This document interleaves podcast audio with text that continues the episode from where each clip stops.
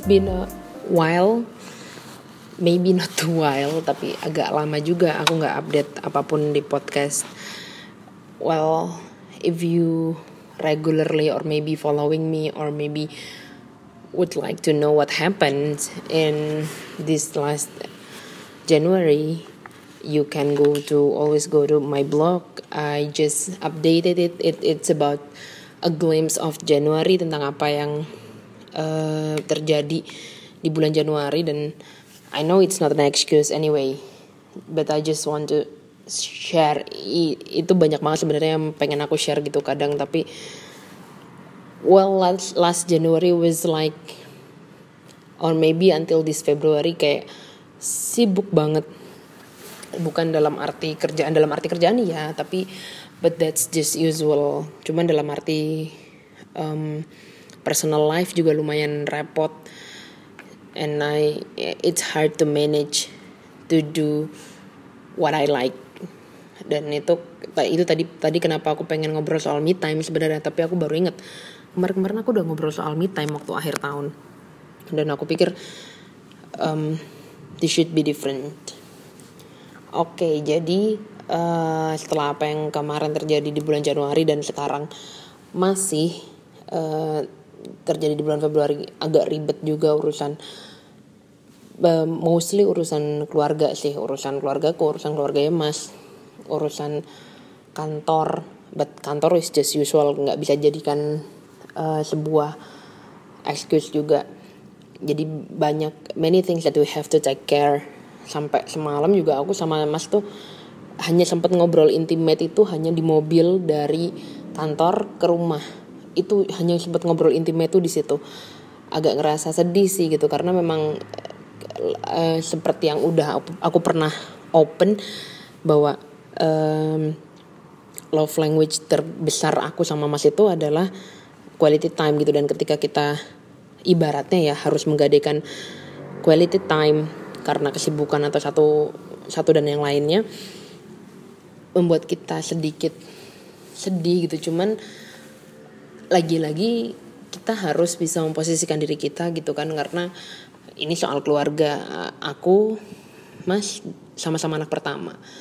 There are many and bunch of tasks that we have to do gitu sebagai anak pertama sebagai role role model for our brother and sister dan sebagai half of um, apa ya support sistemnya keluarga kita juga. Jadi ya udahlah gitu itu it's, it's it's a consequence and dan and family always come first buat kita. Jadi ya udah nggak apa-apa gitu. Quality time-nya kita akhirnya kita isi dengan kita berangkat bareng kita pulang bareng.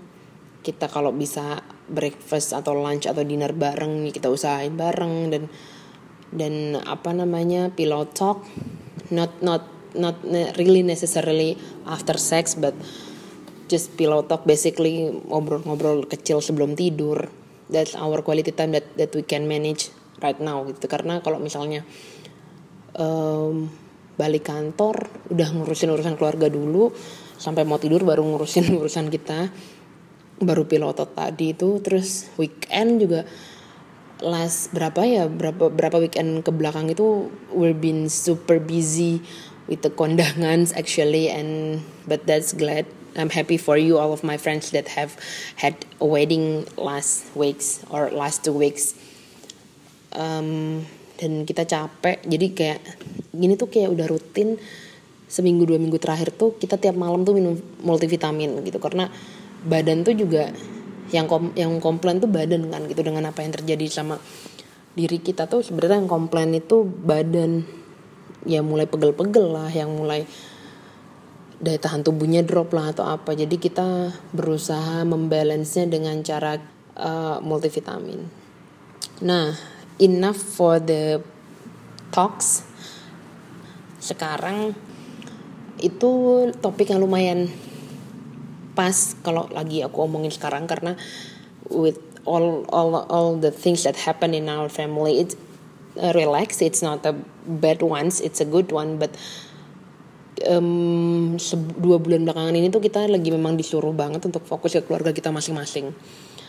Um, keluarga Mas juga ada satu big project yang harus diselesaikan at least sebelum pertengahan tahun ini dan um, kita harus enakan enakan ribet di depan gitu kan kalau nyelesain big project itu daripada keteteran di belakang gitu. kita sama, sama punya satu visi yang sama. Jadi kita ribetin di depan ini dulu. Keluarga aku juga kemarin kebetulan papa habis sakit uh, that was very hard reminder for us for me for my mom for my sister dan and for my dad actually. Dan gimana cara kita untuk always keeping up the support even though we're not living in the same in in in under the same home gitu. Karena kan bokap di Jakarta di luar kota gue nyokap adik di Jogja dan gue pun kadang-kadang nggak -kadang nggak satu rumah sama nyokap gitu kan tergantung jadwalnya. Dan kami sama-sama menyadari betapa pentingnya support each other every day the least that we can do.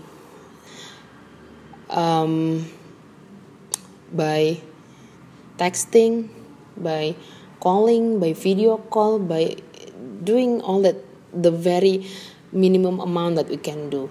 Itu that that that's generally what happened in between me my family and and my husband family.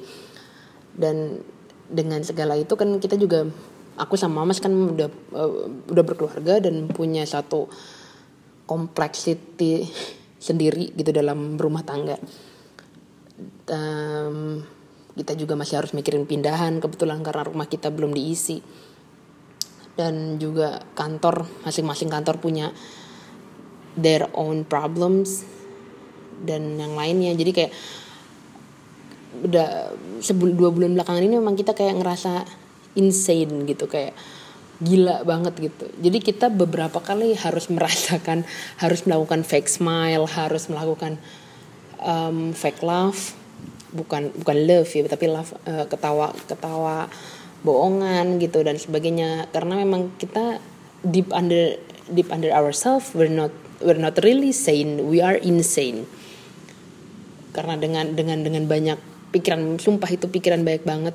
Jadi tiap kali orang rumah nelpon tuh pikiran udah ke mana-mana. Itu baru kali ini gue ngerasa telepon dari orang tua itu lebih bikin deg-degan jauh lebih bikin deg-degan daripada telepon dari debt collector misalnya atau telepon dari penawaran kredit atau apa pun. Lebih atau dari bos makan lebih deg, lebih deg-degan telepon dari orang tua gitu. Karena jadi aduh apalagi nih? Aduh apalagi nih? Gitu. Jadi ada ketakutan tersendiri gitu ada kegilaan tersendiri yang kalau aku pribadi sih ngerasa dan ternyata si Mas juga ngerasain yang hal yang sama. Dan di tengah-tengah itu uh, kita kan juga harus keep sane harus tetap waras harus tetap bisa kepala dingin apa pun problem apa pun yang datang lagi gimana caranya kita bisa menyikapi dengan kepala dingin gimana caranya kita bisa tetap positif gimana caranya kita tetap bisa keep calm. Di tengah-tengah biasanya sih nyokap nyokap ya mama mami yang panik gitu tipe kalnya panik gimana kita bisa tetap keep calm gimana kita bisa find out jalan keluarnya atau apa itu satu manajemen yang kita berdua aku dan mas sendiri masih belajar gimana nih caranya. Tapi alhamdulillah dalam satu setengah bulan ini lah saya kita tetap bisa keep our insanity keep our sanity bisa tetap waras walaupun di tengah whatever happens right now. Uh, and I, and and I'm really glad that we can. Kuncinya adalah sebenarnya apa yang membuat kamu bahagia? Hal terkecil apa pun yang membuat kamu bahagia. Kalau si mas memang aku lihat kecenderungannya dia lebih seneng di game dia lebih seneng di anime nonton animasi. Jadi sepelik apa pun ya apa yang ada di pikiran kita kalau dia udah ngegame sekali aja satu match uh, untuk misalnya dia ini sih game otomotif gitu. Kalau kayak satu round game atau uh, game yang berantem beranteman gitu satu match atau juga um, satu episode animasi yang dia tunggu-tunggu. That really help to to make him back to sanity gitu kayak balik ke kewarasannya gitu loh. Jadi jalan keluarnya adalah I let him I let him watching animation I let him playing games. Yang penting uh, waras dulu lah gitu. Uh, yang penting waras dulu bisa lah nanti dilanjutin lagi gitu. Kalau misalnya kita lagi benar stuck mikirin kerjaan mikirin apa yang terjadi terus tiba-tiba gimana nih gimana nih? Kalau dia ya udah I let him untuk melakukan apa yang dia suka. Karena itu dan dan let him tuh benar-benar yang nggak ditungguin gitu ya. Maksudnya kalau ketika dia lagi game terus ditungguin dipelototin kapan nih selesainya kapan enggak gitu. Tapi ya udah biar dia relax dulu aja.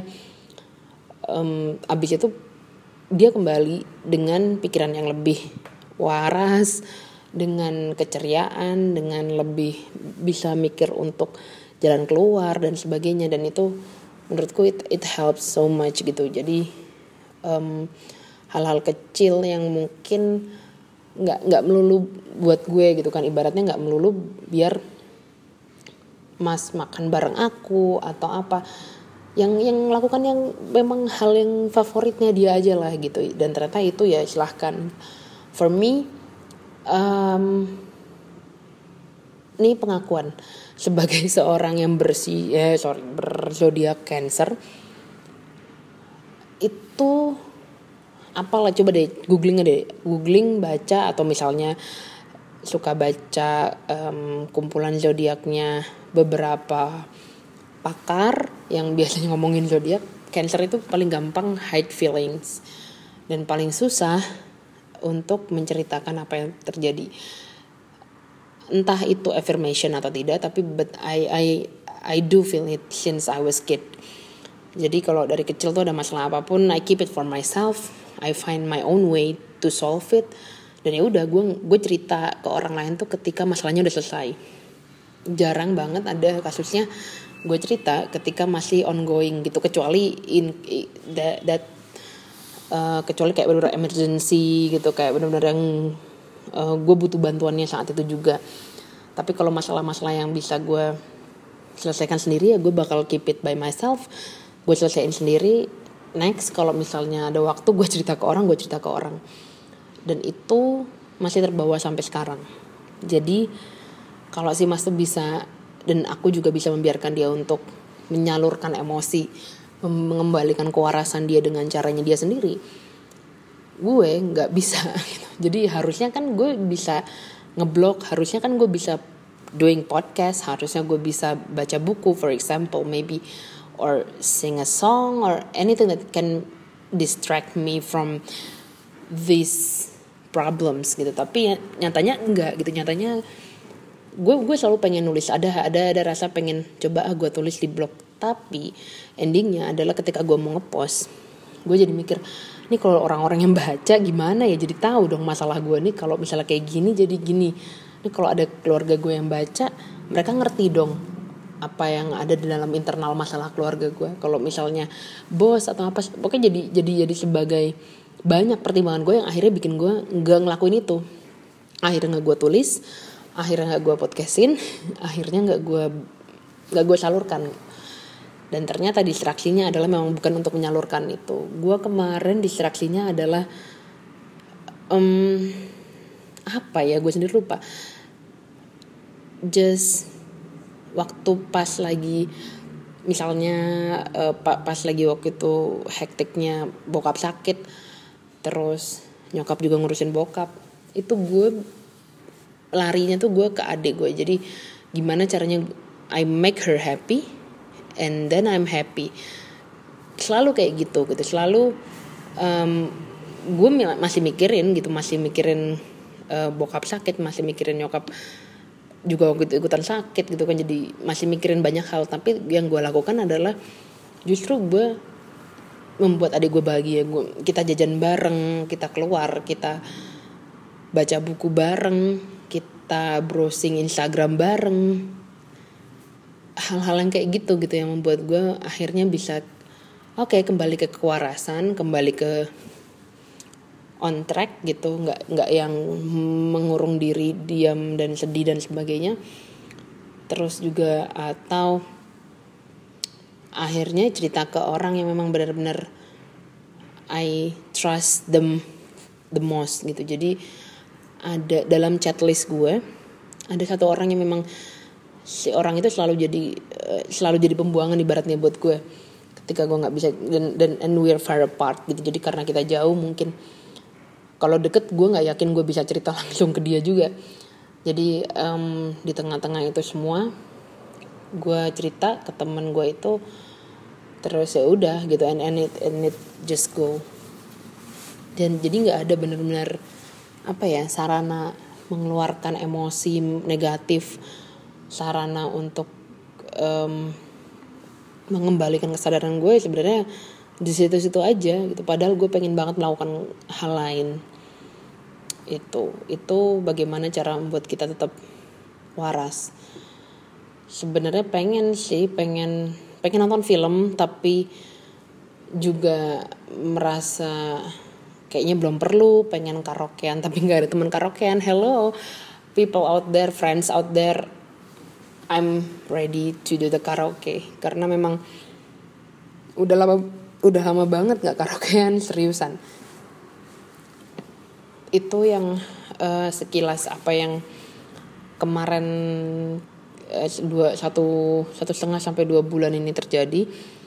Dan masih jadi PR buat gue sendiri gimana caranya untuk mengeluarkan emosi-emosi negatif pikiran-pikiran itu um, let it go let it flow dan mengembalikan ke warasan gue sendiri tanpa harus gue terjebak dengan my own thoughts, my own mind.